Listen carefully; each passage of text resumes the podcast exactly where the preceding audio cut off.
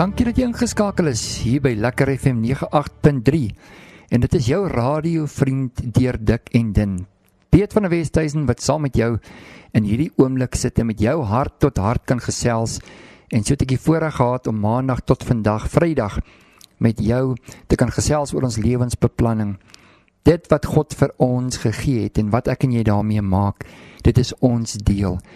En ek lees vir jou die woord Prediker 3 vers 1 so enkele paar verse uit die Afrikaanse 53 vertaling daar. Alles het sy bepaalde uur en vir elke saak onder die son en onder die hemel is daar 'n tyd. Alles het hy mooi gemaak op sy tyd. Ook het hy die eeu in die hart gelê sodat dat die mens die werk wat God doen van begin tot eind kan uitvind.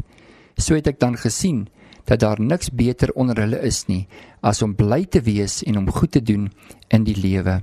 En ook dat elke mens eet en drink en die goeie geniet by al sy moeitevolle arbeid. Dit is 'n gawe van God.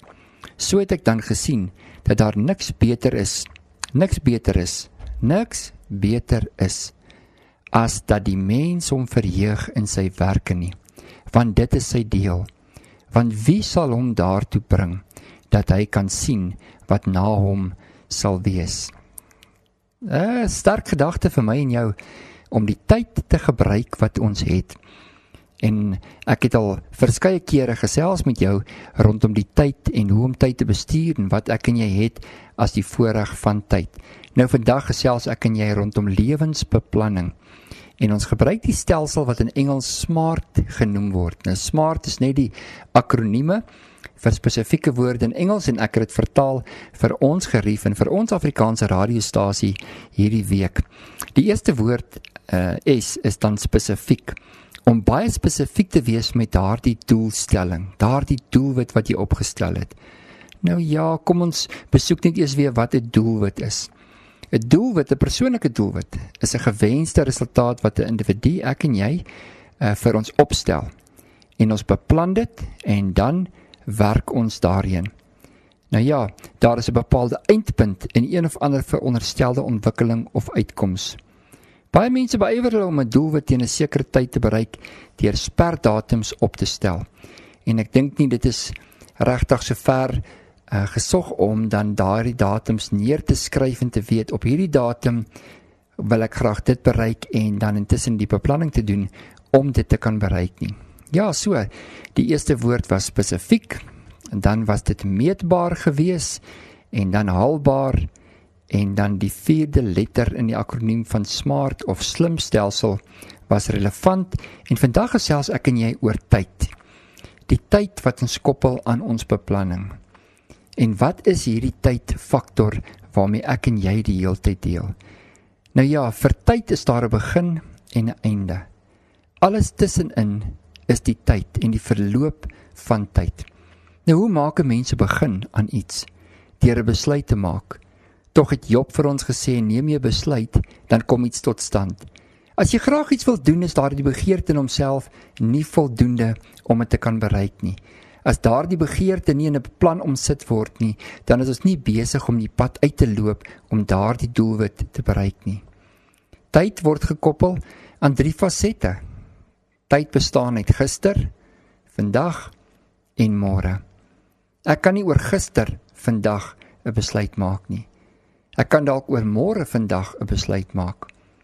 Maar selfs in gister kan ek net vandag besluit hoe ek daaroor voel, hoe ek daaroor dink en wat die uitkoms van my van my gedagtes rondom gister dan sal wees. Dieselfde met môre. Ek impakteer my môre deur dit wat ek in die nou oomblik doen hierdie spesifieke oomblik. Die oomblik wat ek kan meet wat ek besig is om te doen. Die oomblik waarin ek iets bereik of die oomblik waarin ek maar net myself verhinder om iets te doen om iets te kan bereik. Nou is die beste tyd om 'n besluit te maak oor iets in jou lewe. Wat jy ook al oor gister wil verander, kan jy in 'n gedagtegang en in jou eie raamwerk van jou hart in hierdie oomblik verander. Wat jy oor môre doen, hang af van wat jy in hierdie oomblik besluit. Jy kan jou môres impakteer deur hierdie nou oomblik en 'n besluit wat jy koppel aan dit wat jy nou besluit om te doen. Terug na ons beplanning gedeelte. Om spesifiek oor my beplanning te wees, beteken dit dat ek in hierdie nou oomblik moet besluit. Wat is dit wat ek in my lewe graag wil bereik? En dan moet ek meetbaarheid daarin kan stel. Dit help tog nie ek sê ek wil die een of die ander resultate bereik, maar ek kan dit nie meet nie.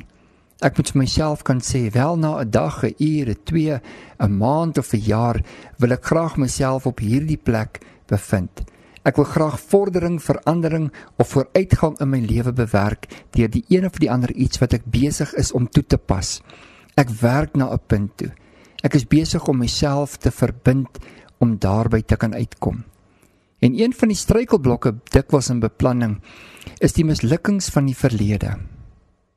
En ons almal weet, jy weet die nuwejaarsvoorneme sluit onder andere in ek gaan gesond wees hierdie jaar. Nou ja, wat beteken dit om gesond te wees? Wees spesifiek. Sommige uit my leuke gedagte wil ek vir jou sê dat ons genoeg water moet drink om gesond te kan wees. Dat ons die inname van ons voedsel gebalanseerd moet hou. Dat daar kossoorte is wat vir my en jou goed is en dat daar kossoorte is wat nadelig vir die liggaam is, is 'n onoorwonde feit. Daar's dinge wat ek en jy doen wat goed is vir die liggaam en dan's daar dinge wat ons doen wat skadelik is vir die liggaam. Om gesond te wees, moet ons immers dit doen wat gesondheid van ons verg. Daardie wetenskap waarvan ek gepraat het, daardie lewensbeginsel wat ek en jy moet onsself aanleer en ontwikkel. Dis een ding om 'n afrigting afrigter te hê wat jou afrig in die lewe rondom die een of die ander saak, maar iewers moet ek en jouself die kennis ontwikkel hoe om 'n volhoubare, gesonde lewe te kan lewe. Hoe om 'n volhoubare, gelukkige lewe te kan lewe. Ons kan professionele besoek, mense besoek vir die res van ons lewe. Ons kan die helfte van ons tyd spandeer agter geslote deure, ehm um, deure om onsself te probeer uitsorteer en Ons mis die oomblikke van die krag wat God eintlik vir ons in ons lewe daar geplaas het. Want wanneer ons onsself besig hou met die regte dinge, met die konstruktiewe fasette van die lewe, dan is ons besig om ons lewe te bou. Maar wanneer ek my lewe besig is om skadelik uh, om te gaan met daardie lewe of ek doen skade aan myself of ek pas goed toe wat net nie vir my goed is nie, dan breek ek eintlik daardie mooi deel van my lewe. Ek en jy bestaan uit liggaam, siel en gees en om 'n volledige mens te kan wees, om gelukkig te kan wees, moet ons uiteindelik kyk na al drie die fasette: liggaam, siel en gees. Dat dit goed gaan met jou liggaam, dat dit goed gaan met jou siel, jou hart en dat dit goed gaan met jou gees. Daardie diepe innerlike wete, daar waar die geloof gesenter is, dat dit met jou daar ook sal goed gaan. Hierdie persoonlike doelwit is 'n gewenste resultaat. Ja, dit mag dalk begin by 'n begeerte, maar daardie begeerte kan tot iets baie groter in jou lewe ontwikkel. Sê vir jouself vir 'n oomblik, ek wil graag. Punt punt punt. Wat volg na daardie graag? Dit is die begeerte. Ek wil eendag punt punt. Wat is daardie eendag wat jy wil bereik. Want wat jy na hierdie begeerte maak, wat jy na die uitspraak van daai begeerte maak, dit is wat sal bepaal of jy uiteindelik jou mylpaal sal bereik. Onthou daar is 'n begin en daar is 'n einde aan elke doelwit. En dan is daar iets soos 'n volhoubare doelwit. Iets wat 'n mens gereeld en konstant wil doen. Samper soos hare groei. Jy weet die hare bly aangroei. Wel, vir party het dit nou opgehou, maar vir die meeste groter deel van die mensdom bly jou hare groei en as jy kort hare wil hê, dan moet jy dit bly sny. En vir sommige as hulle oud word, dan word die hare grys. En party gee sommer net oor aan die grysheid van die wysheid en ander sê nee, ek gaan so lank teen hom kan stry soos wat ek teen hom kan stry ek gaan my hare verkleur of ek lyk mooier in een of ander kleur en daarom gaan ek dit verkleur. Dit is 'n 'n doelwit want tyd wag vir niemand nie. Ja, ons almal word ouer. Die vraag is net hoe word ons oud? Ja, ons almal gaan deur stryd en ons almal gaan deur moeite. Almal gaan deur vervolging op een of ander manier. Hoe gaan ons daardeur terwyl ons daardeur gaan? Ons almal het 'n liggaam.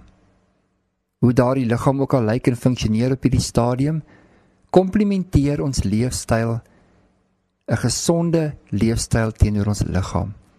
Selfde vir my siel en dieselfde vir my gees. As ek my ophou met negatiewe dinge die heel dag deur, dan gaan my siel ook beïnvloed word deur negativiteit.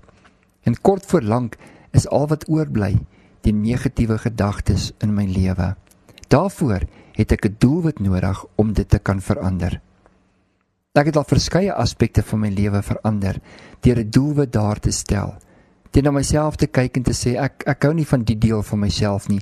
Ek wil dit graag verander. En dan soek ek na die werkbare plan en die oplossing. Ek soek na die beginsel wat ek nodig het om daardie saak in my lewe te kan aanspreek en te kan verander. En nou kom ook 'n dag wat ek vir myself sê, wel, hierdie is nou beloningsdag. Vandag beloon ek myself vir die pad wat ek geloop het tot dusver. Ons moet so af en toe 'n bietjie tyd uitneem uit hierdie hele beplanningssessie en terugstaan en sê, wat het ek bereik tot dusver? En ja, wees eerlik genoeg oor die mislukkings, maar wees ook eerlik genoeg oor die oorwinnings wat jy behaal het in daardie tydperk. Jou lewe kan nie net een groot beplanningssessie wees nie. Daar moet oomblikke uitgeneem word in jou in jou besige daaglikse rotine en beplanning om ook net vir jouself 'n klop op die skouer te kan gee om te kan sê wel gedaan. Ek is trots op jou. Jy doen goed. Ons het almal dieselfde liggaam waarmee ons begin het. Hoe daardie liggaam lyk en funksioneer word deur bepaalde dinge bepaal. Maar ons het 'n liggaam. Hoe kyk ek na hierdie liggaam? Hoe leef ek saam met hierdie liggaam? Onderhou ek hom? Ek kan immers nie as ek 'n petrolvoertuig het vir hom diesel ingooi nie. Ek kan ook nie dieselfde met 'n dieselvoertuig doen. Van brandstof ingooi, petrol ingooi. Ultra 93 en dink dat dit gaan my enjin aan die gang hou nie. Dit sal nie werk nie. En daarom met my en jou liggame, ons gees, ons siel die regte brandstof nodig of die regte diesel nodig, die regte olie nodig om optimaal te kan funksioneer. Wil ek en jy net vandag weer bietjie stil staan en kyk na ons lewens en sê Here, wat 'n voorreg is dit om te kan lewe.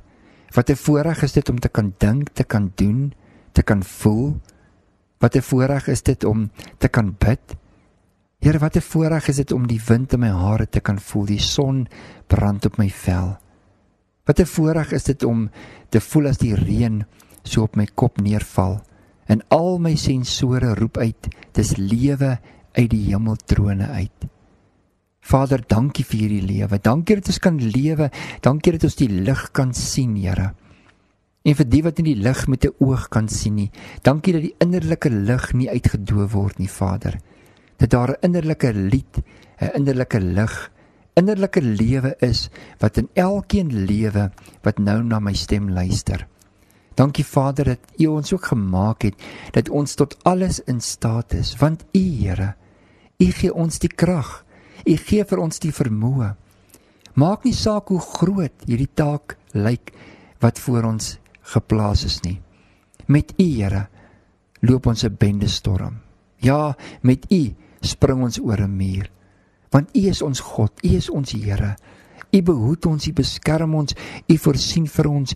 U loop nie net saam met ons nie. Die tree wat ons gee is die krag, momentum wat U in ons lewens vir ons is. Dankie vir lewe. Dankie dat ons ook hierdie lewe kan beplan, Vader. Dankie dat ons in oomblikke soos vandag net 'n bietjie stil kan word om te kan sê, Here, daar's dinge wat vir my goed is in my lewe. En ek wil dit versterk.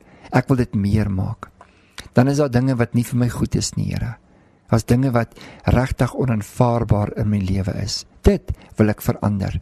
En vandag is die dag van verandering. Vandag is die een dag waaroor ek gedroom het.